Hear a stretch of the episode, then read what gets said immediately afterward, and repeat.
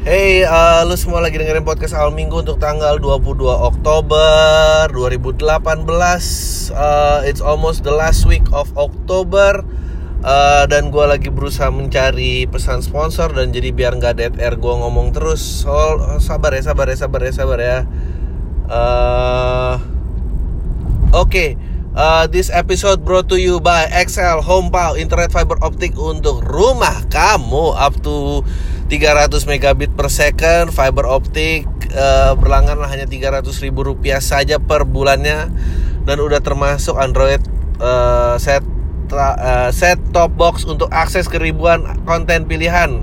Informasi lengkap dan berlangganan via www.lebihpau.com, www.lebihpau.com, www.lebihpau.com. Wap.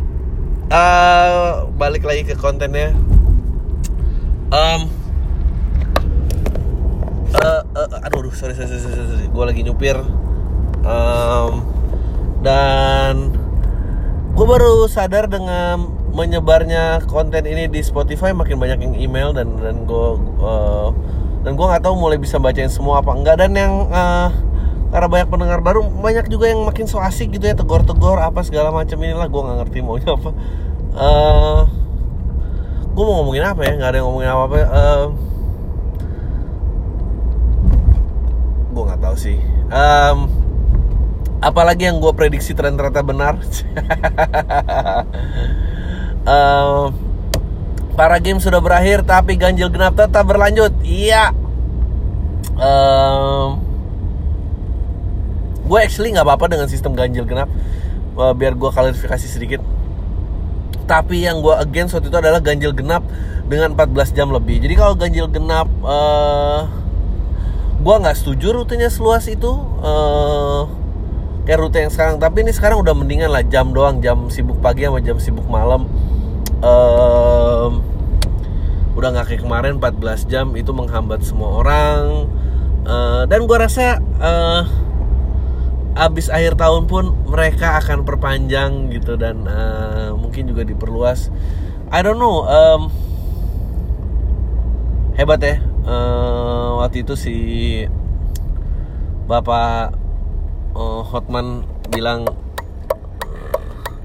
seberapa banyak dipengaruhi lobbyis gitu. Dan itu um, nah itu hal yang nyata sih menurut gue dan dan dan gue bisa mengerti bahwa karena memang hanya teknologi terlepas terlepas kebencian gue terhadap teknologi dan segala macam memang teknologi akhirnya solve a lot of things a lot of things that um,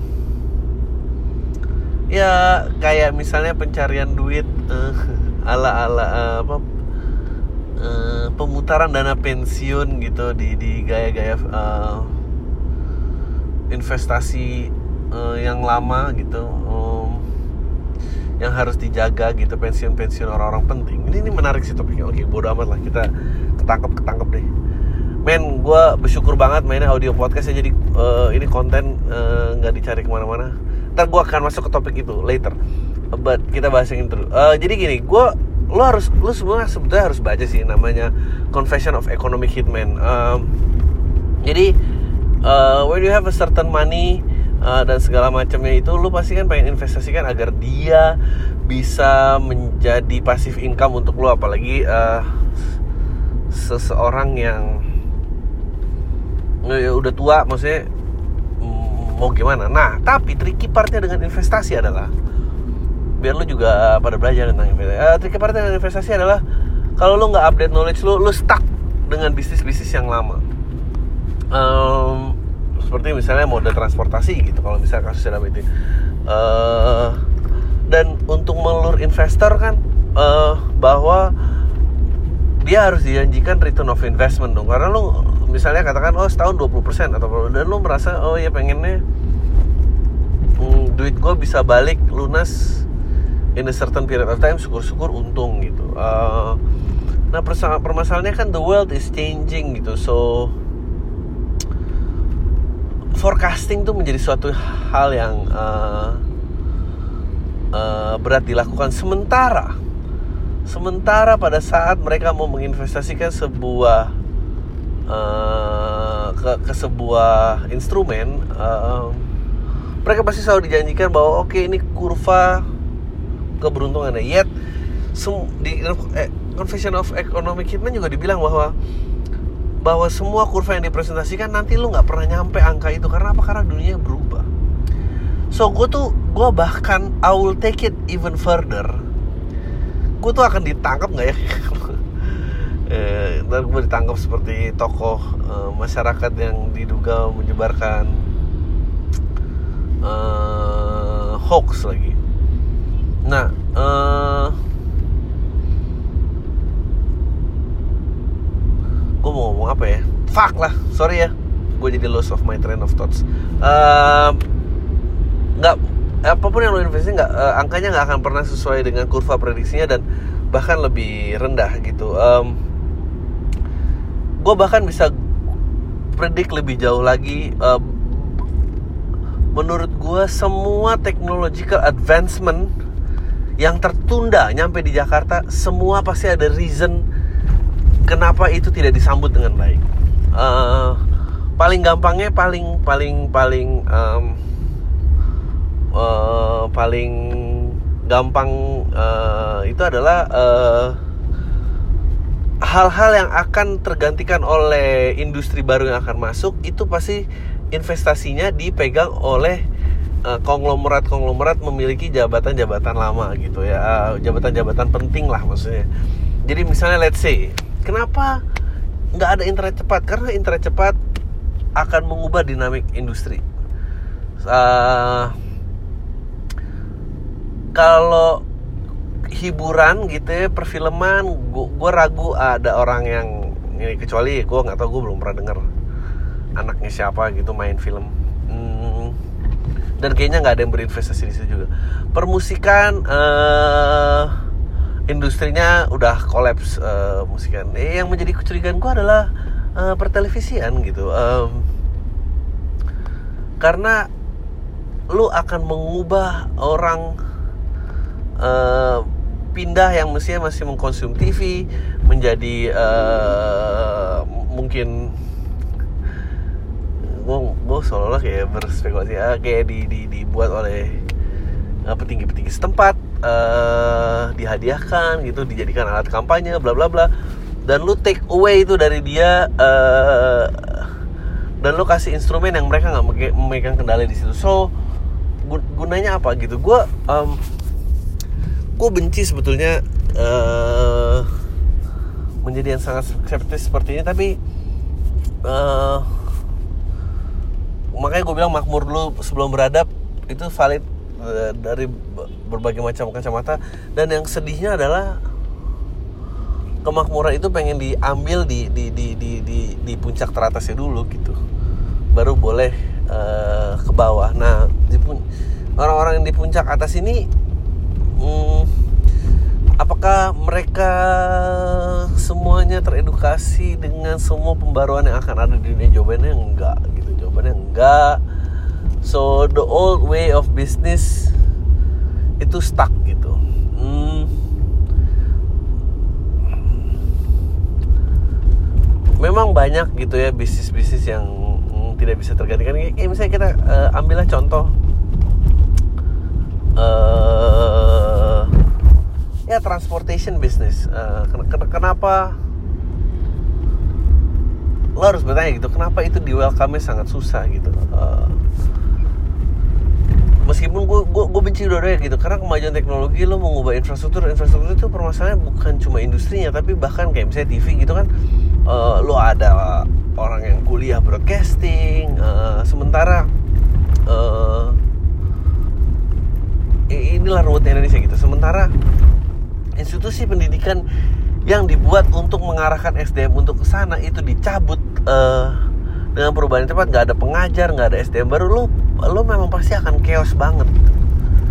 Uh, sekarang apakah misalnya gini apakah uh, saya cyber athlete gitu gue gue harus ada sih buku yang memprediksi berapa pekerjaan yang akan punah gitu. Saya dan yang the new misalnya cyber athlete come terus then what happened with all I'm not saying semua sektor industri itu corrupted ya gitu. I'm not saying that. Ya tapi ada beberapa yang bisa predik lah. Um, nah kayak TV transportasi itu dua hal yang menurut gue uh, hmm, visi sekali gitu. Uh, kayak misalnya cyber atlet datang hmm, apakah kita kuat ber, uh, sanggup bersaing? Dan uh, what happen kalau cyber atlet itu boom what happen dengan industri olahraga yang lain gitu yang udah been set up? Maksudnya apalagi yang uh, very very old uh, cabang olahraga misalnya cabang-cabang atletik dan apa itu, bagaimana gitu uh, uh, gue gue di gue lama menggeluti tinju gitu ya hampir mungkin lebih dari lima tahun. Uh, dan itu gue lihat tinju dari Jakarta. Gue belum pernah lihat tinju dari kota lain. uh, waktu MMA datang aja gitu um, itu tuh langsung shake the industry banget gitu bu. Uh, gue sih nggak yakin ada yang corrupted di boxing tapi gue yakin bahwa ada sesuatu yang apa kemakmuran pelatihnya dan uh, itu gimana nasibnya gitu. Sementara uh, kita harus kita tuh kayak capeknya mengejar bayang-bayang di masa lalu sementara nggak siap mau perubahan gitu. Uh, look at now gitu look at how. Bagaimana masyarakat tuh udah capek gitu dengan dengan politik dan segala macam. Gue um, kasihan banget gitu. Grassroots tuh menurut gue grassroots uh, kecapean banget karena mereka yang paling terpingpong kan. Dia gimana ya mentalitinya nggak siap uh, uh, pembaruan selalu datang sementara uh, prediksi investasi mereka selalu merasa oh ya nanti akan mencapai akan mencapai titik balik akan mencapai titik balik. Tapi titik balik itu nggak pernah datang dan orang itu harus apa gitu. Ilmu apakah forecasting itu bisa menjadi sebuah pelajaran untuk melihat dunia? Jawabannya enggak. Gue gue tuh termasuk beruntung karena um, gue belajar advertising gitu. Uh, dan advertising advertising yang gue pelajari dulu itu udah nggak valid sekarang. Um, um, dan dan dan dan industri berubah dengan ada digitalisasi dan segala macam. Dan gue uh, berusaha kecap sekuat tenaga demi pembaruan gitu. Jadi ya kaitannya gue tau gue ngomong uh, lebar-lebar tapi mestinya you get an idea buat lo semua yang youngster that's why gue selalu saranin jangan nganggur try new things. Karena perubahan nanti di, di generasi lo akan jauh lebih cepat dan itu di semua aspek um, balik lagi misalnya gini uh, media itu kan uh, alam alat komunikasi gitu uh, terminologi lebih seremnya adalah uh, alat propaganda dan lu kira dengan instrumen digital lu bisa akan lebih bebas karena media udah terbuka dan lu bisa memilih apa yang lo mau. Tapi algoritma sosial media itu tidak uh, algoritma internet itu tidak mengizinkan lo um, memilih itu gitu. Dan yang ada lo terus diberikan berita berita-berita yang selalu lo ingin konsumsi dan it's very hard to break away dari tempat-tempat yang kayak gitu. Nah yang mau gue omongin adalah ternyata yang tadinya lo sangat kebebasan merupakan itu alat yang lebih kompleks untuk mempengaruhi decision making lo gitu. Nah, eh, orang-orang yang tidak pernah membatasi dan tidak pernah tahu um, bagaimana apa sosial media itu berperan nah dia akan ya udah akan ter expose dengan hal yang itu itu aja gitu. Uh, lo dan dan grassroots akan kasihan banget karena apa? Karena kalian tuh semua alat kemenangan untuk uh, pilihan politik gitu. Dan mereka akan swing lo jauh banget sampai terjadi karena uh, alat komunikasi yang makin kompleks jadi yang dipengaruhi juga bisa semakin dalam dan semakin nggak keluar dari gelembungnya. Hmm, kalau dulu dengan TV dan radio ya udah lo bisa nggak ngelakin TV eh, elakin TV dan radio aja. Tapi sekarang kalau alatnya ada di tangan lo dan ke mana pun lo pergi um, bagaimana lo ngelakin yang nggak bisa jawabannya. Uh,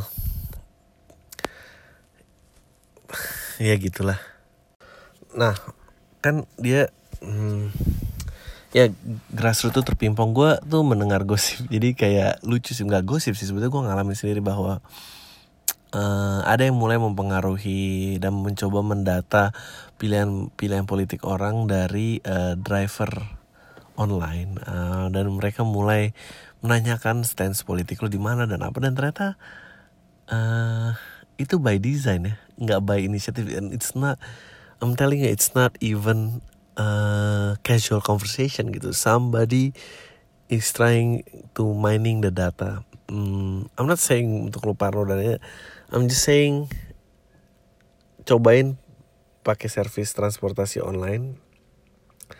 Uh, dan lihat dari berapa kali make berapa yang mengajak lo berbicara tentang sense politik. Dan ternyata uh, itu di pool gitu. Uh, dan di, mereka diharapkan jadi agen gitu. Dan I don't know dengan politik tuh dibuat seolah-olah it's a for a cause gitu dan dan lo lakuin volunteer. Which is sebetulnya nggak apa-apa. Uh, gue cuma nggak terima aja kalau itu by design. Um, yang sedih tadi gitu bahwa nanti nih ini akan terus panas sampai April um, dan apa pun yang bisa dikapitalisasi untuk dijadikan atensi akan diambil aja. Salah benar itu udah nggak meter yang meter adalah bisa nggak dijadiin sensasi untuk gathering opini atau buat uh, content consumption gitu. Ya lo udah mungkin kalau ada yang nanya apa pendapat gue um, tentang konten anak salah satu komedian yang baru aja take down YouTube-nya dan segala macam uh, please nggak usah diomongin. Lo kalau cari tahu ya sendiri nggak usah dikomen di mana pun juga uh, ya mereka korban dari itu gitu jawaban gue ya mereka blow on karena nggak ngerti timing gitu dan ini cuma sampai April dan gue believe abis itu udah yang sedih adalah kalau memang perbuatannya itu salah dan itu bisa jadikan standar untuk orang lain tidak lakukan oke okay. kita coba lihat si society society macam apakah yang kita akan masuki jika itu dijadikan standar sebuah kebenaran. Tapi kalau enggak ah ya udah itu mereka kena apa saja yang sedih adalah itu nggak jadi sebuah peraturan baru tapi merubah tingkah laku masyarakat yang di bawah.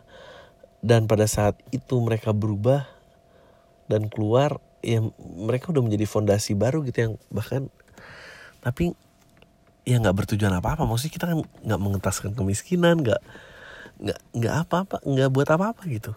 Um, itu sih yang gue kesel. Itu yang gue bingung kayak why it gets so heat up gitu. Um, karena memang ya kayak balik lagi tadi uh, algoritma itu. Da, jadi gue percaya bahwa gue gak mau bilang gue nggak percaya sama demokrasi gue nggak bilang orang nggak boleh berpendapat. I'm not saying that. I'm just saying bahwa yang memimpin perubahan itu adalah uh, gerbang kereta terdepan dan selamanya akan jauh lebih banyak yang diderek di belakang. So pada saat sosial media dan internet masuk kita tuh reaching ya gue maaf menggunakan analogis seolah-olah keterbelakangan tapi kita merich bahwa ternyata rantai kereta kita itu jauh sekali ke belakang dan kita even nggak tahu ujung ada di belakangnya itu ada di mana. Dan tapi semua ini eh, teraih karena terkoneksi karena sosial media. Uh, dan pada saat ada pihak-pihak yang berusaha menolak karena eh, demokrasinya sistemnya vote kan elektoral kan eh, elektoral maksudnya sebagai pemilihan kan. Um, apa namanya uh, itu terlihat dan dan itu dikapitalisasi. Maksudnya Brexit Amerika Filipina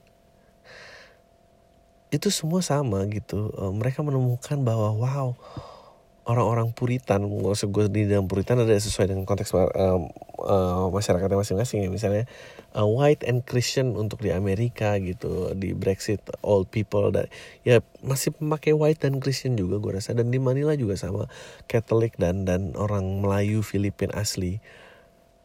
Ternyata masih berpikir itu dan menolak apa pun nih um, yang diwakilkan oleh sisi yang progresif.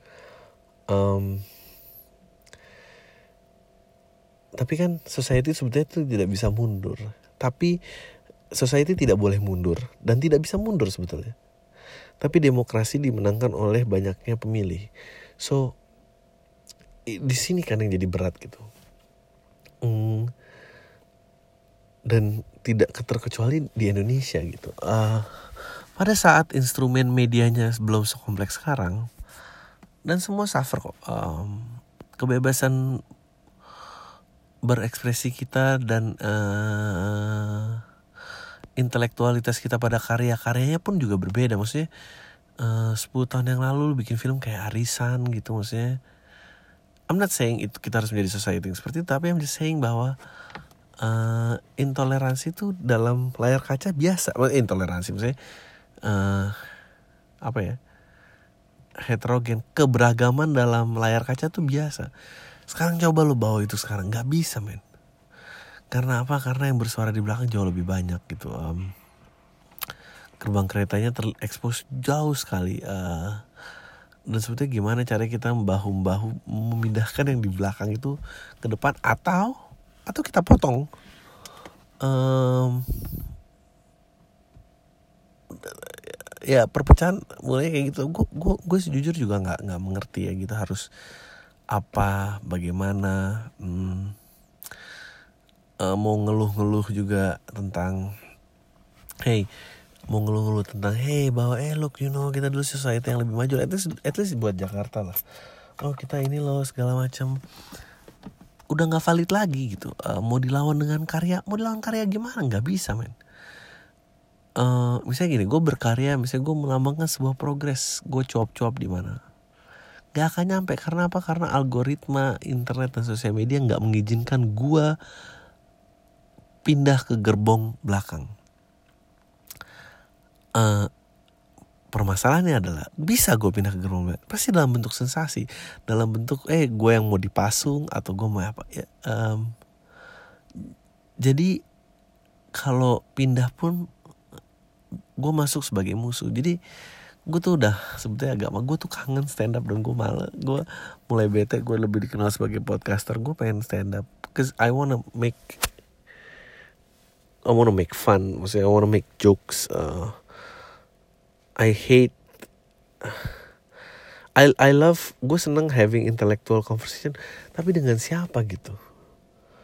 Kita preaching to the choir gitu loh. Maksudnya berpidato sama orang-orang yang udah sepaham doang gitu. Um, memang mungkin perubahan salah satunya lagi yang bisa terlaksana adalah uh, off air gitu mall ke mall dan segala macam kali ya. Gue dulu suka banget dengan provokatif proaktif off air gitu yang uh, anak-anak dulu gitu Im, Iman dan Pange sering ngadain gitu. Karena diskusi politik di mall itu keren sih menurut gue uh, bukannya gue ngeremehin aktivis yang you know kami sana saja uh, menurut gue mereka punya di concern tapi uh, ya gue preaching to the choir gitu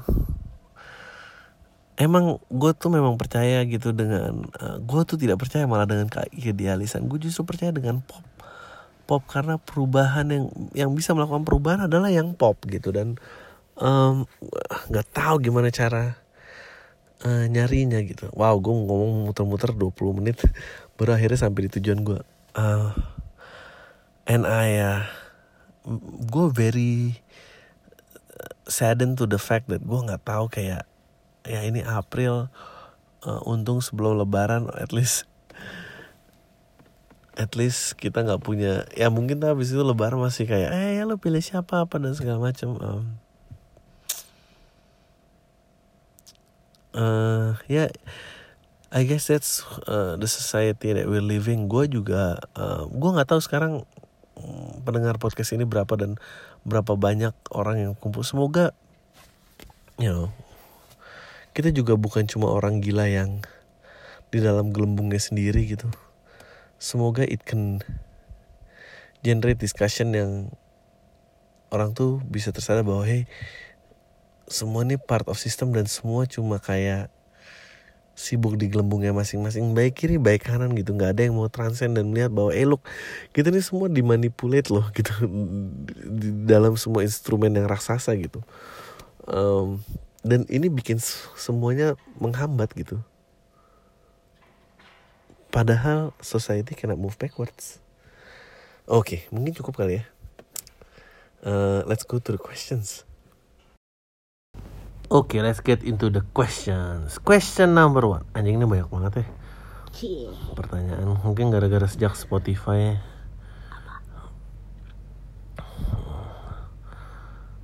Oke. Okay. Gue sekarang jadian sama anak yang sedang merintis karir di dunia entertainment. Cie. Dia sih mulai karir di dunia stand up. Oh, oh ini perempuan yang menyurat ya. Gue ketemu dia di salah satu stand up special show. Hah? Ini pacarnya siapa? Uh, tapi ada yang bikin risih setiap gue pergi sama dia satu orang teman-teman gue nanya semua orang akan nanya kok lo mau sih sama dia just because gue Cina plus cowok gue terkenal dengan pesona dia sebagai orang jelek hah? Parahnya terdengar gosip gue cuma sosial kelambar padahal cowok gue itu juga nggak tenar-tenar amat. Belum bisa dia tuh kayak kita swipe up IG storynya. Oh oke okay. berarti ini uh, stand up komediannya nggak lebih terkenal daripada gue ya? Uh, tapi gue juga dituduh punya hidden agenda padahal gue sayang banget sama cowok gue dan dia super baik hmm, tiap orang yang minjem, akan minjem duit supaya dia bisa minjemin orang lain yang butuh duit dia pekerja keras banget lovable lah pokoknya. Questions. Menurut lo kalau gue menarik diri dari komunitas cowok gue gue akan dicemakin so di uh, semakin di, dicap so eksklusif nggak ya? Uh, menurut gue sih nggak ada bedanya ya since karena lo sekarang juga udah dicap. Uh, jadi ya Chapman yang lebih lo tahan aja gitu. Um, uh, gue sih lebih worry sama kalau lebih worry sama nggak uh, ada sih gue nggak lebih worry sih gue mau sok-sok aja. Menurut lo ada cara nggak buktiin gue bukan social climber atau punya hidden agenda? Ya buat apa? Kalau bisa lo buktiin juga lo menang apa nggak menang apa apa men. Udahlah. Atau haters gonna hate aja dan gue harus cuekin aja. Ya haters gonna hate lah. Uh, haters gonna hate bagi yang nggak ngerti itu ada pembenci akan selalu membenci kali ya uh, ada yang butuh penerjemahan ini thanks bang akhirnya gue bisa curhat karena nggak tahu mau curhat ke mana sih tem gue backstreet dari temen-temen gue kenapa lo backstreet dari teman-teman lo ini pacarnya siapa sih?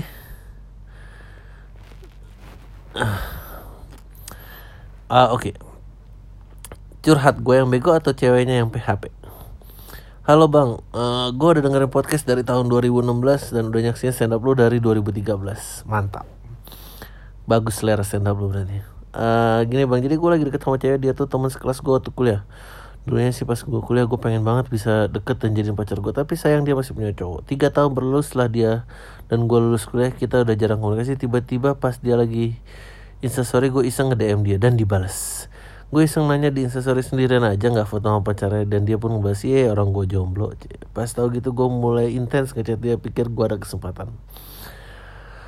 Gue pun mulai lebih intim bang kayak chatannya sampai malam sampai jalan bareng sampai di satu titik gue pernah eh selain gue ada cowok yang deketin nggak? Dia bilang e, ada katanya teman satu kantor. Habis itu gue bilang oh kalau masih deket mah masih ada kesempatan buat gue ah iya gini dong. Pendengar gue tuh yang jangan cupu-cupu nggak berani jalan gitu loh jawaban dia cuma ketawa. Sekitar tiga minggu kita deket kita pengen uh, gue pengen bikin dia terkesan. Gue punya plan ngirimin dia kado dan berupa berupa buku sama boneka gitu ke rumahnya yang di jauh di daerah Bekasi. Biar lebih romantis gue ngirimnya lewat Gojek dan gue titip surat gitu di kadonya. Oh maksudnya yang lebih romantis karena ada suratnya kan? Kalau ngirim lewat Gojek apa yang bikin romantis? Uh, dan kadonya langsung diterima sama dia dia seneng banget katanya Abis itu pun kita semakin dekat dan gue yakin pasti diterima. Apalagi sayang gue cuma temen satu kantornya Which is kantornya gak terlalu gede kayak lembaga simpan pinjam gitu. Sedangkan gue kerja di salah satu media ibu kota daerah Senayan City. Cel, sombong banget mainan daerah kerja tai. Tapi tiba-tiba tiga hari gitu ada yang berubah dari dia. Dia tuh sekarang lebih sulit dihubungin dan kalau sekali gue chat dia bilang kalau nggak lagi sibuk kerja lagi jalanin dan cuma mau tidur. Itu ya juga gue semua yang mulai chatnya. Sampai akhirnya gue dia tiba-tiba ngechat gue malam-malam pas gue balik kerja awalnya bahasa chat bahasa basi gitu dia langsung chat eh gue boleh jujur nggak? Gue bilang boleh. Dia chat gini bang maaf ya gue selama ini sebenarnya udah punya cowok dan itu satu kantor temen gue oke. Okay. Nah di situ gue kaget dan gue langsung bilang ya udah nggak apa-apa. Gue juga langsung tahu aneh sama tingkah lo yang kayak gini kan gue jadi tahu. Aneh yang tanya iya sih jadi cowok gue nyuruh gue buat jauhin lo oh iya berarti kado lo ketahuan lu sih ngirim kado nggak pakai bilang-bilang. Lo tuh harus ngerti dong. Eh kau daripada pada daripada sok surprise tapi blunder itu pasti dia dimarahin tuh terima kado. Aduh. Kasian. Gue sini ngerasa di PHP in bang kampretnya dia nanya gue jahat gak sih gue tuh sebenarnya mau bilang ah tai lu kenapa lu pas udah rasa baru bilang? Uh, jadi sebenarnya udah punya cowok dari lima bulan lalu dan dia nyalain gue nggak verifikasi kebenaran dia. Ya enggak lah itu mah dia bisa bisanya aja karena udah nggak enak sama lo uh, gue padahal udah siap-siap mau nembak dia di cafe gitu. Dan gue juga udah beli baju H&M sampai sejuta buat jalan lagi sama dia.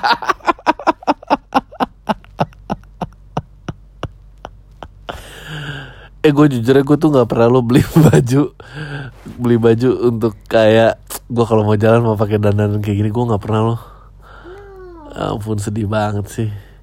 Menurut lu bang ini gue yang bego apa ceweknya yang tukang PHP menurut gue sih lu nggak bego-bego banget. Cuma ternyata lu nggak kenal situasi perangnya aja. Uh, uh, tainya kok gue masih nyariin kabar dia di medsos sementara dia udah bodoh amat. Kayaknya dia nggak bodoh amat dia kayaknya memberikan lo kesempatan sebetulnya. Cuma ya situasinya kayak gitu lo harus terima apa enggak gitu. Maksudnya ya bilang aja ya kalau dia nomor satu aku masih boleh nggak jadi nomor dua? Ya udah abis itu sekuatnya aja ntar juga kalau goyang ya lo dapet kalau enggak ya lo cabut lah. Masih bang Ari udah mau jadi minimal gue lega lah sehat buat keluarga bang uh, iyalah menurut gue lo punya kesempatan yang lebih. Dan menurut gue uh, menurut gue dia jujur ke lo tuh menurut gue itu bagus sih. Karena lo bisa aja dia mutusin untuk ngibulin lo jauh lebih lama lagi bisa banget tapi dia nggak ngelakuin itu berarti dia tuh uh, ada rasa tapi gue kepul kepulin harapan orang ini nggak tapi benar deh dia punya rasa gue yakin dia punya rasa. Um, tinggal lu aja mau apa enggak kondisinya kayak gitu. Kalau gue sih jadi lu gue mau loh. Main udah beli baju sejuta. Ya, itu ya lo beli baju sejuta ya pakai kredit card BCA mbak cicil tiga kali ya kan dia kalau transaksi sejuta boleh tiga kali Oke, okay, halo, uh, eh, gue pendengar baru podcast al minggu via Spotify. Gue kurang tahu officialnya, gue kurang tahu official dari lu atau bukan, tapi sebenarnya gue udah tahu lu dari stand up comedy walaupun lu kurang terkenal. Gue cuma mau memuji uh, point of view lo yang anti mainstream dan gue tahu lo nggak butuh pujian atau komentar episode 1 Februari 2016 yang buat gua baru mengirim email ini agak telat ya baru dengerin di tahun 2018 terus berkarya Bang Adri ditunggu episode-episode selanjutnya podcast awal minggu thanks man. Bang lo percaya nggak sih alien adalah sebuah evolusi sebenarnya evolusi manusia di masa depan yang sudah berpindah ke planet lain? Enggak nggak percaya gue uh, kita evolusi dari alien pindah ke planet ini gua, itu gue masih somehow percaya. Karena banyak teori-teori kayak um, yang nggak sesuai dengan evolusi gitu. Kayak evolusi itu dilakukan um,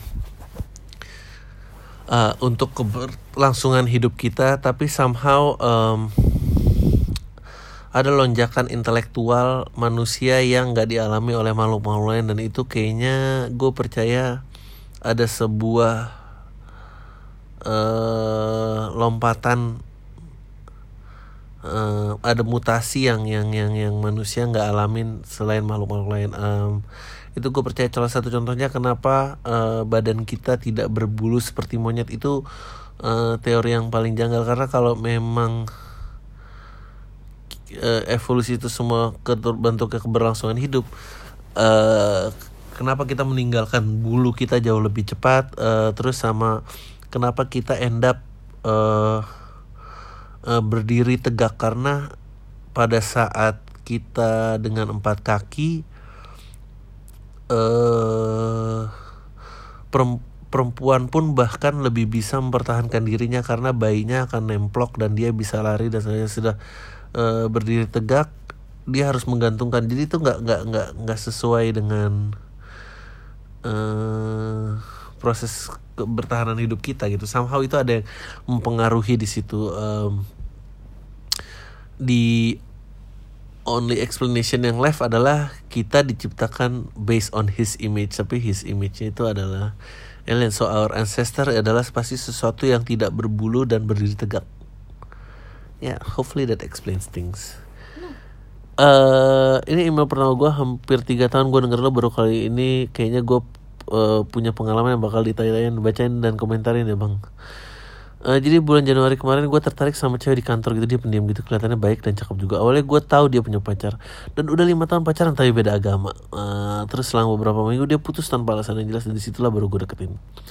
Minggu pertama kita chat seperti biasa sampai suatu saat saat saat ketika gue sadar kalau tiap weekend gue di blok dari WhatsApp dia. Wow oke okay, tapi gue nggak ngerasa bikin ilfil atau apa pun jadi gue diem aja bang. Tiap senin ketemu di kantor gue di unblock terus sampai gue akhirnya nanya dia kenapa di blog di tiap weekend di situ dia cerita kalau mantan pacarnya suka ngecek WhatsApp dan dia takut kalau tiba-tiba gue ngechat dia. Ini aneh tapi gue dan dia tetap deket. Bahkan gue bilang gak akan chat dia duluan kalau weekend supaya nggak di blog mantap. Singkat cerita, gue dan dia makin deket tapi mulai ada kebiasaan aneh. Dia yang mulai ketahuan. Yang pertama ternyata tiap weekend itu dia nginep di kontrakan mantannya. Gue kaget dan diceritain ke temen gue soal ini. Kata temen gue udah tinggalin aja lah cari yang lain tapi gue masih kekeh kalau dia pasti orangnya baik dan bisa jaga diri. Enggak. Pasti dia nginep di kontrakan itu nggak ngapa-ngapain. Gitu ya pikiran lo luar biasa nih. Uh, satu waktu gue ngelarang dia main ke tempat mantannya karena dia bilang mau move on. Tapi gue heran kok mereka masih mau ketemu. Bahkan nginep dia berani statement gini ninggalin kebiasaan lima tahun itu susah kita berantem tapi akhirnya kita baikan. Di sini gue makin bego bang. Gue masih menganggap apa yang dia lakukan itu wajar. Oke. okay berbulan-bulan kemudian dia perlahan jarang ketemu sama mantan di sini. Gue yakin dia udah move on. Tapi akhirnya gue dikasih tahu sama temen deket gue ternyata dia udah nggak virgin sejak tahun lalu. Ah yang terakhir nge-sex bareng mantan itu tahun ini. Hah? Yang di mana artinya dia ngelakuin dia apa sih? Dia mungkin ngelakuin sama mantan itu tiap weekend. Dan gue shock dan sedih. Hah? Kenapa? Karena dia kelihatannya baik-baik aja dan gak sesuai sama yang gue bayangkan. Gue juga orang yang concern banget soal virginity. Hah?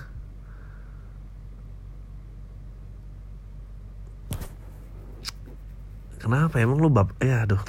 Oke lah oke. Setahu itu gue aduh gue langsung sedih. Gue kira lo sabar mau nunggu orang. Ternyata semua pakai syarat. Uh, setelah itu gue mundur bang tanpa bilang alasan ke dia. Hah?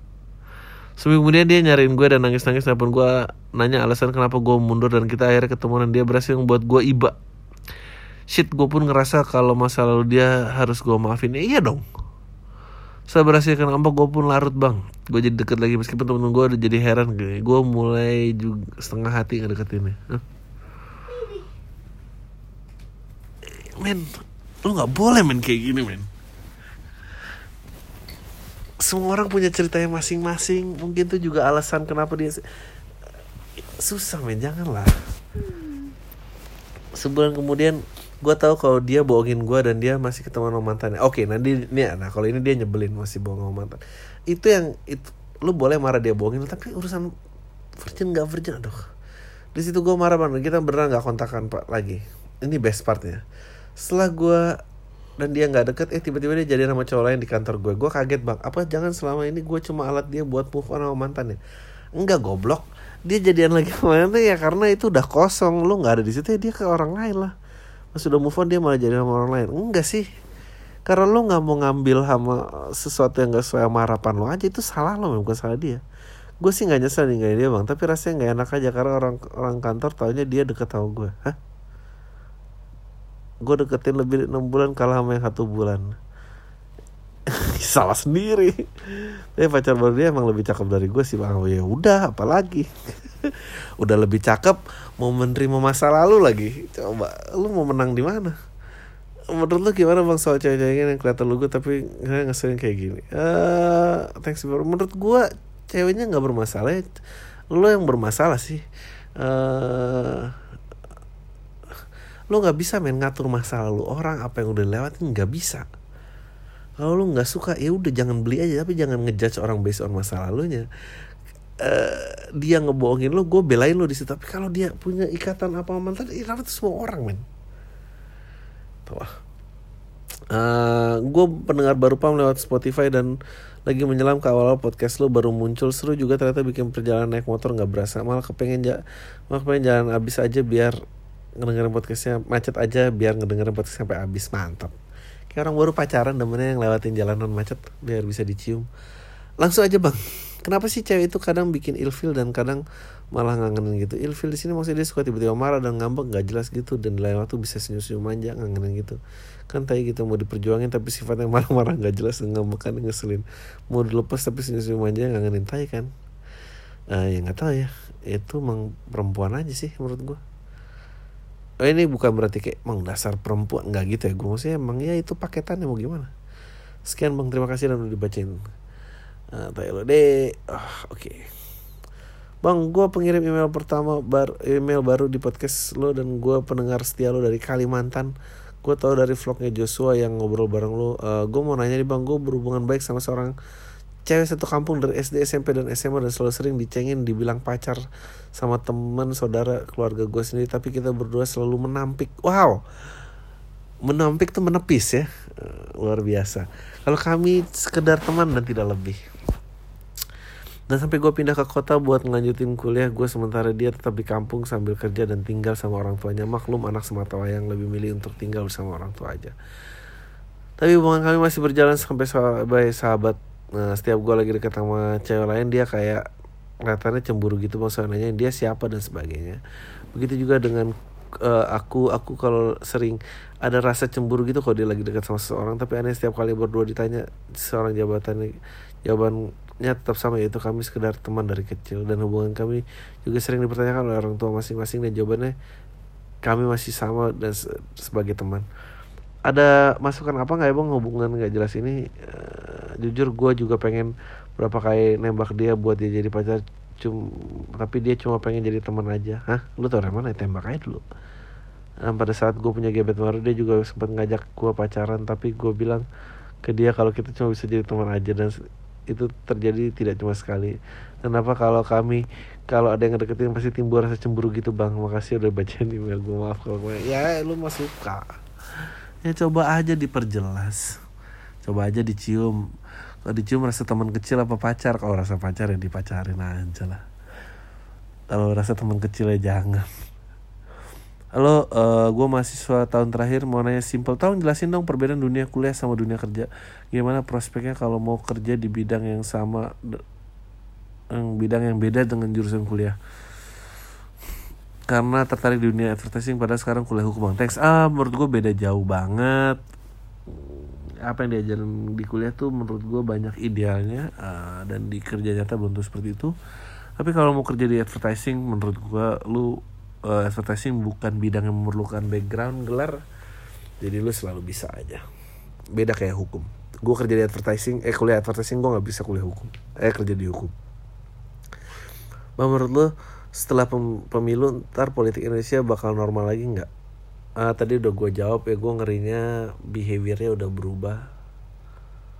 Uh, I, I, I don't know politik politik kayaknya nggak akan pernah normal. Semenjak om dan tante gue nyalonin caleg dari partai oposisi gue diperlakukan seperti minoritas di grup WhatsApp keluarga gue ditambah lagi gue nggak mau upload foto mereka di akun sosmed gue om dan tante gue emang tai bang. Ya mau gimana dong uh, setelah email uh, setelah email pertama gue dibaca ternyata nanya ke lu nagih abang dan sekarang gue punya pertanyaan yang rada serius nih. Jadi beberapa waktu lalu temen gue posting foto di IG story dia ngapcuk artikel tentang pria di Paris didenda karena catcalling ke cewek dan ada caption terus Indonesia kapan bisa gini pas gue baca sih gue garu-garu kepala ya. Gue mikirnya kalau di Indonesia diterapin kayak gini kayak bakal jadi pasal karet gak sih? Betul. Gue sih nggak setuju ada pasal kayak gitu. Don't get me wrong bang. Gue juga nggak setuju ada orang catcalling gitu. Menurut bang gue setuju mau uh, gue agak nggak ngerti sih landasan catcalling dan segala macam. Itu seperti apa? Catcalling tuh apa tapi? Merayu? Masa orang nggak boleh merayu? Bukan Ryan ya gitu gitulah apa batasan lo harus punya spesifik kata? Nggak bisa men. Pasal-pasal karet gitu. Kalau pelecehan merendahkan tuh harus bisa. Nah apa yang disebut melecehkan gitu? Halo bang, gak usah sebut nama. Gue cuma sekedar ikut sharing aja. Di episode podcast beberapa waktu lalu lu pernah membahas bahwa jangan-jangan free will itu emang gak ada. Gue sebenarnya percaya dengan konsep itu. Gue yakin benar bahwa kita di ini hanya sekedar wayang di kehidupan dunia. Mantap lah. Wayang di kehidupan dunia. Uh, Dan satu hal lagi ternyata apa yang di kehidupan ini gak sebatas hitam dan putih Sejak kecil kita diajarin bahwa rajin pangkal pandai hemat pangkal kaya And all other bullshit lainnya. Makin kemarin makin ketahuan bohongnya. Banyak yang hidup boros tapi tetap kaya-kaya aja Dan banyak yang rajin belajar tapi ya kalian nilai sama yang kalau nugas kelompok nggak pernah ada kontribusi. Kadang orang yang super rajin ini tetap nggak jadi apa apa di kehidupan pas ke sekolah atau kuliah. Jadi gue sekarang ngasih gitu bang. Apa apa yang gue lakuin selalu gagal kalau ada gagal ya sekedar nanggung gue pernah berkarir di BUMN gue gagal lantaran soal-soal menjaga prinsip. Atau kalau muncul sendiri gue sendiri gue bisa dibilang gagal untuk diatasi lingkungan sok toxic yang perlu jilat-jilatan ke atasan dan sok-sok nyogok sama orang dalam. Kemudian gue milih resign. Memulai bisnis sendiri juga gagal lantaran peluru alias modal gue habis dulu sebelum berhasil. Lo pernah bilang kan mengutip kalimat Jack Ma bahwa sebaik-baik kita banyak makin kesempatan gagal. Enak bang kalau modal dan peluru banyak gagal ya tembak lagi. Nah ini gue peluru alias modal keburu habis sebelum akses menghampiri, eh, sukses menghampiri nggak tau lah. Poinnya sesuatu yang mungkin work well buat orang lain belum tentu work buat diri lo sendiri bahwa kita, bahwa kita ini cuma sekedar wayang men. Dan nggak tahu tuh istilah usaha nggak mengkhianati hasil. At the end of the day ada sebuah kekuatan yang bernama nasib apes atau apa itu di luar kuasa kita. Thanks. Ah iya bener sih gue percaya uh, luck luck itu banyak mengalahkan banyak orang tapi uh, gue nggak tahu gue nggak tahu gimana nasib lo gue nggak tahu keadaan ekonomi lo uh, apa ya gue mau ngomong apa ya? Uh, betul gue juga sering banget dikalahkan dengan orang yang laki itu sering banget um, tapi ya kalau hidup nunggu beruntung lebih nggak jelas lagi men. Menurut gue lu tuh a fighter sekarang ya tinggal bangun lagi aja dan dan beradaptasi dan gimana. Gue nggak pasti ada lah. Lu lu udah berkali-kali jatuh dan lu selalu bangun lagi. Jadi kalau bangun sekali lagi juga apa salahnya? Lu jatuh terus juga nungguin luck juga belum tuh kejadian. So ya yeah, hopefully things work out well man buat lo Halo bang, uh, eh, gue dari Purwokerto umur 22 tahun. Gue kerja di Solo dan sering bolak-balik Solo Purwokerto. Karena lumayan jauh di perjalanan kereta Gue selalu puter-puter terus dengerin podcast lo Nah ada satu yang menarik dari pertanyaan lo ke tamu di salah satu episode di podcast itu apakah marketing akan tetap seksi? Gue setuju sama tamu lo kalau marketing akan selalu seksi. Bukti sejago-jago algoritma Google AdSense pasang iklan di browser lo mbak-mbak seksi SPG rokok yang body yang mantap akan jadi menarik atensi di mata kita bang dan bener kata lo karena marketing akan selalu berubah. Behavior lihat aja brand Aqua udah berapa puluh tahun nggak ada tandingan eh muncul brand airnya dengan jargon ada manis-manisnya langsung berubah nge behavior kita. Udah gitu aja bang. Hah? oke. Okay. ini kayak setuju semua. NBA jagoin siapa? Tahun ini menarik kayak Celtics bakal bisa masuk final tahun ini. Terus uh, final NBA tahun ini menurut siapa? Udah move on dari OKC belum? Semoga keluarga Kalbi diberikan kesehatan amin bye. Uh, gue actually di West gue pengen melihat Warriors lawan Lakers di East gue pengen lihat uh, Celtics lawan Raptors. Juaranya Golden State Warriors. Oke. Okay. Gue mau cerita tapi tolong jangan sebutin nama. Gue udah ngikutin podcast minggu dari bulan Juli. Pas lagi nyusun skripsi, Alhamdulillah podcast minggu ini sudah menemani hingga gue wisuda 7 Agustus kemarin. Wah, selamat wisuda. Podcast awal minggu jadi salah satu inspirasi gue nyusun juga pas lagi daun-daunnya karena dengerin cerita orang-orang yang jadi bintang tamu. Selain itu gue juga suka sudut pandang lu bang dalam melihat segala permasalahan dan fenomena kehidupan yang terjadi akhir-akhir ini. Uh, walaupun nggak 100% setuju sama pendapat lu tapi penyampaian dan pembawaan lu yang santai dan kocak tetap sampai ke gue terima kasih. Ini mau cerita nih bang. Gue cewek umur 20 tahun. Belum pernah pacaran sama sekali. Percaya nggak bukannya pemilih atau apa tapi jarang ada yang deketin gue bang. Jatuhnya gue paling baru jadi teman dekat. Nah awal 2018 gue baru di follow sama IG-nya temen zaman SMA kita satu sekolah dari SMP dan SMA tapi selama enam tahun itu cuma sekedar tahu aja dan gak deket dan gak ada interaksi sama sekali. Nah pas baru di follow IG gue gue suka lihat itu updatean dia. Kelihatannya orangnya produktif dan positif banget. Terus gue suka sama dia gara-gara itu. Lama-lama dia sering ngajak interaksi gitu bang di medsos. Asik orangnya ada sesuatu ada suatu hari dia upload video kekinian dia gitu kayak stop motion dan jalan cerita di situ ternyata secara jelas dia nyeritain suka sama gue bang. Dan merhatiin gue dari SMA mantap. Nah itu gue jadi seneng sampai gue ngomong duluan nanyain tentang maksud videonya dan ngomong kalau gue juga suka sama dia. Abis itu dia bilang tentang perasaannya. Tapi dia anak yang baik-baik nan soleh. Dia bilang dia nggak mau pacaran bang. Katanya tunggu aja nanti lo langsung datang ke rumah gue soalnya dia masih ingat pas zaman SD pernah main ke rumah gue gue mah ya ya jadi seneng digituin. Interaksi gitu setelah itu nggak kayak orang pacaran yang cringy cringy gitu. Tapi sering ngobrol kayak temen deket sampai aja bang katanya dia masih suka ke ke gue sampai sekarang. Sampai sekarang kita belum pernah ketemu di real life lagi. Terakhir gue ketemu pas 2014 zaman SMA soalnya sekarang ini tuh mau ngapain sih? Nunggu aja nanti pas doi datang ke rumah gue. Oh. Mau ngelamar. Gimana ya bang gue takut soalnya kalau ketemu dia gue nggak sedek-dekan di dunia maya atau gue takut suka sama dia cuma gara-gara updateannya aja dan gue takut pas ketemu dia nggak suka sama gue. Dan masih banyak ketakutan gue yang akan terjadi kalau tiba-tiba ketemu dan direncanain buat ketemu. Nah November nanti dia mau wisuda bang. Gue pengen banget sih ngasih dia buat wisuda. Yang simpel aja bang itu hitung balas budi soalnya dia sering ngasih Arthur ke gue. Lo minta opini pulpen yang bagus. Menurut lu gimana bang cara menyikapi ketakutan-ketakutan tersebut sebelum ketemu doi real life? Ya nggak bisa disikapi namun cuma ya itu lu aja yang gak usah dipikirin lah. Dan juga gimana kalau dia wisuda gue mendingan ngasih kado apa gitu? Gak usah creepy sih gue nggak creepy nggak sih kalau gue ngasih kado hadiah kayak gitu? Enggak lah. Pulpen bagus. Pulpen yang bagus ya. Bukan pulpen itu ide bagus. Alah. makasih ya bang udah baca cerita gue yang kepanjangan sehat dan bahagia selalu bang sehingga berkarya terus menginspirasi orang-orang. Salam dari salah tiga aduh gila masih rabu nih gimana? Bang lo nonton tinju di TV One Fox apa streaming? TV One. Lo suka gak sih sama tinju lokal yang ada di TVRI eh, tergantung lagi ada jagoan apa enggak kayaknya lagi gue sih belum menemukan yang menarik. Udah gitu aja bang. Semoga lama ibu kami sehat selalu. Terima kasih Oke, semenjak email pertama gue dibacain, gue rada viral di grup WA kelas. Wow.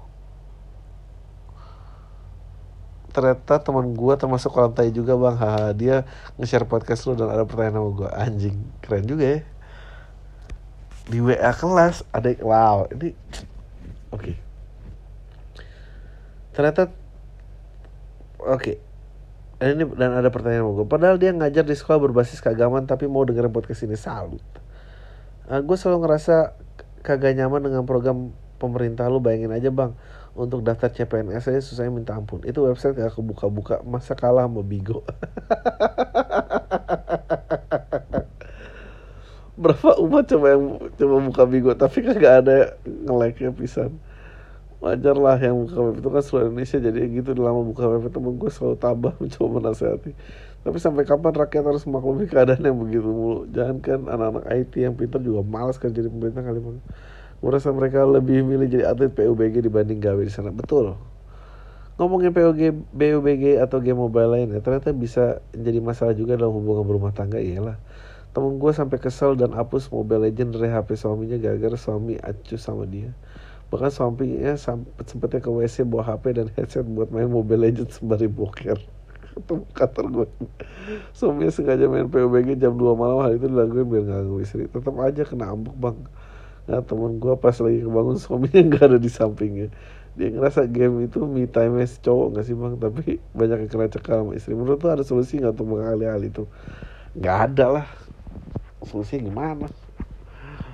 Emang gitulah lu kalau punya kesempatan mau nggak ikut CPNS enggak Bayangin bang, lu tiap hari pakai seragam coklat, ikut upacara tiap hari keluyuran di mall, tapi ganti baju dulu biar nggak kegap sama satpol pp. Anjing lucu. Ya. Oke.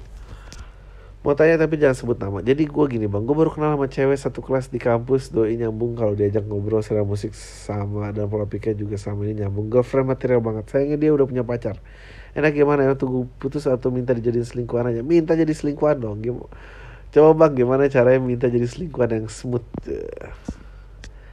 Kamu udah punya pacar ya? Gak apa-apa kok. Aku jadi pacar saat pacar kamu nggak ada aja. Boleh gak? uh, kalau aku boleh jadi nomor dua juga nggak apa-apa aku tungguin biar sampai jadi nomor satu gituin aja nggak apa-apa men oke okay. Bang, saya kapan hari itu jadi tim relawan di Lombok? Setelah email saya dibacain beberapa hari kemudian saya berangkat emergency response di Palu, Sigi dan Sigi Donggala. Uh, sempat kelewat satu episode pas dirimu ngomong soal Palu. Kemudian dirangkap didengar berturut-turut sekarang baru kepikiran buat kirim email. Pengen berbagi aja. Saya setuju dengan apa yang dirimu cerita tentang soal pengungsi yang jarah. Memang menjarah itu salah apalagi saat begini. Saya sendiri lihat orang-orang itu sebelumnya jualan sayur tiba-tiba jualan susu atau bahkan barang elektronik cash memang tapi kalau itu jadi moral kompas orang luar sana buat jadi alasan buat apa disumbang nanti dijarah konyol banget niat baik aja diniatin aja. Kalau sama orang lain dinurasikan menjadi burung bukan urusan kita di sini. Masih payah banget toko masih pada tutup. Susah cari sembako dan macam-macam.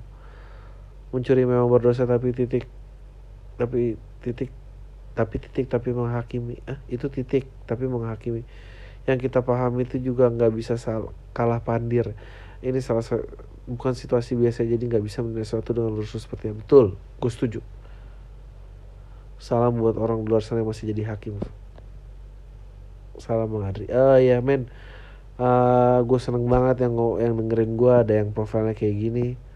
Um, I think best of luck uh, semua yang masih mau menyumbang sumbanglah dalam berbagai macam bentuk. Uh, semoga keadaan di sana cepat pulih ya.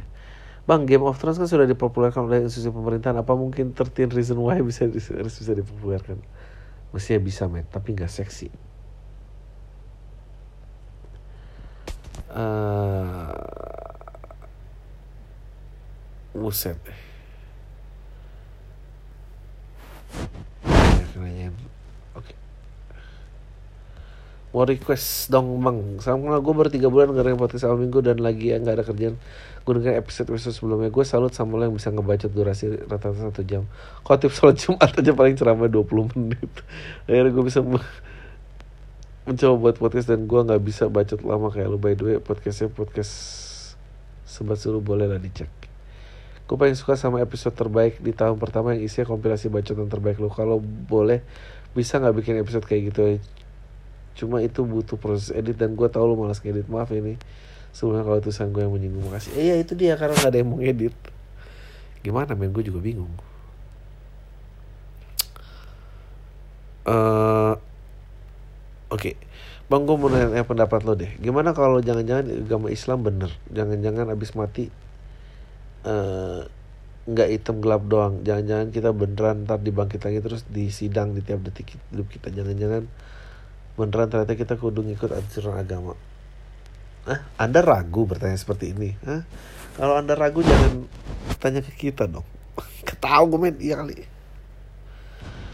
Salam tai bang Ari uh, cuma pengen tahu apa menurut lo tentang God kompleks. Apakah orang-orang yang sadar atau tidak sadar itu bisa dibilang terlalu percaya diri dan tokoh besar itu menurut punya keyakinan itu menurut gue uh, kan ada riset yang menyatakan uh, successful CEO dan sosiopat itu adalah karakter yang sama kan?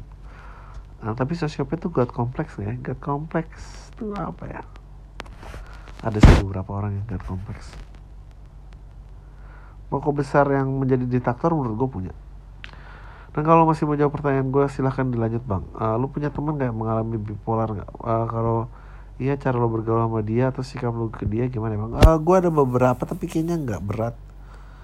Uh, dan beberapa udah melewati uh, proses terapi psikologis dan psikiatri jadi lebih enak gitu sih. Kalau yang nggak pernah, gue nggak tahu juga. Saya dia kan moodnya yang seneng banget tiba-tiba jadi sedih. Contohnya pas nongkrong suka nggak buka obrolan yang atau ngelucu jadi tiba-tiba jadi diam aja ah menurut gue itu bukan bipolar by the way orang yang ngemero tentang ngewe patungan di mana bang? Udah itu aja. Uh, berharap lu bacanya saat muncul lagi baik santai. Tahu ke mana itu orang? Aduh oke. Okay. tiga lagi. Selamat pagi bang, banyak yang angka gue idealis tapi kemarin gue sempat akhirnya nyerah buat kerja banting tulang like kuda tapi gue suka sama podcast lu bang. Respect. By the way gue lagi pengen diteriakin ugly terus jadi gue udah nyelesain skripsi gue tapi kepikiran buat nggak ngurusin biar nggak lulus nggak tahu kenapa Hah, tapi kepikiran buat nggak ngurusin biar nggak lulus nggak ngerti lu mungkin karena gue pernah kerja pakai passion gue dan itu nggak pakai ijazah ijazah menurut lo dan menurut gue emang banyak kerjaan itu nggak pakai itu. Uh, pengen lu kata-katain yang terburuk dari punya ijazah dan yang terburuk dari nggak punya ijazah. Kapan mampir di Pangandaran bang nginepnya di at Kampung Nusantara semoga keluarga kalbi sehat sejahtera dan baik-baik terus. Semoga pamit tetap banyak random. Ah. Menurut gua kalau uh, kalau lo nggak membutuhkan hal-hal teknis ya ijazah nggak segitu pentingnya. Tapi kalau lo udah memulai sesuatu ya baiknya lo selesaikanlah tanggung jawab lo segitu aja sih bukan permasalahan ijazah dan gak ijazah lo udah mulai kan tuh tanggung jawab kan maksudnya itu dikasih orang tua kan dan lo kasih lah ah ini gue kayak bapak lo aja cerita ya jadi gini bang, mantan gue nikah dan suami dia yang kayak tai ini selalu ngeributin tentang hubungan gue sama mantan gue ini. Ya gue risih lah. Si bang kayak ini kemarin ngelain gue nanya apakah gue pernah sebar foto atau video mantan gue pas lagi gue pakai atau telanjang. Ah? Ya gue juga tahu privasi kayak ngapain coba gue sebar? Mending gue pakai nah, buat baca lah. Lagian pas jadi nama doi gue nggak ada niatin uh, anjing kasar banget ya. Gimana? Nggak niatan tidur doi aja yang sangean. Ada ada uh, tanya menurut lo bang orang kayak gini gue apain ya? Thank you udah baca email gue gue harap suaminya yang bego itu dengerin podcast ini biar ribut sekalian. Anjing kesebat gue sorry ya gue jadi malam gini uh, ya gak usah diapa-apain sih. Diapain oke. Okay. Wow, reprise jangan dikatain. Jadi gini, gue baru aja turn 20 cowok masih kuliah di daerah Jawa Timur gue pernah dengar beat Bang Adri yang cowok itu bisa selingkuh kalau cuma punya opsi. Jadi gue langsung aja bang gue udah pacaran tiga tahun dari SMA sampai kuliah dan gue bisa dibilang selingkuh dari pacar gue dan berjalan udah setahun tanpa ketahuan dan selalu bisa ngeles dari pacar kalau lagi ada acara kampus padahal liburan bareng selingkuhan. Dan biasanya berakhir dengan nginep atau camping yang akhirnya kita tidur bareng. Jujur bang gue merasa bersalah dan mau tobat tapi gue nggak bisa berhenti bang. Terus akhirnya selingkuhan gue udah nggak tahan jadi yang kedua. Di sini gue bingung bang antara pacar yang cantik tapi obrolan nggak nyambung atau selingkuhan yang biasa aja tapi asik buat ngobrol ngarung gitu. Bang Ari mesti gimana? Ya mas selingkuhan aja lah. Ngapain lo nggak nyambung gitu? Terima kasih bang kalau jawab semoga keluarga bang Ari sehat sejahtera. Iyalah. Ah, paling habis itu udah nggak asik lagi tapi ya, ya udahlah mau gimana dong. Uh, oke okay, udah itu aja tai lu semua. Deh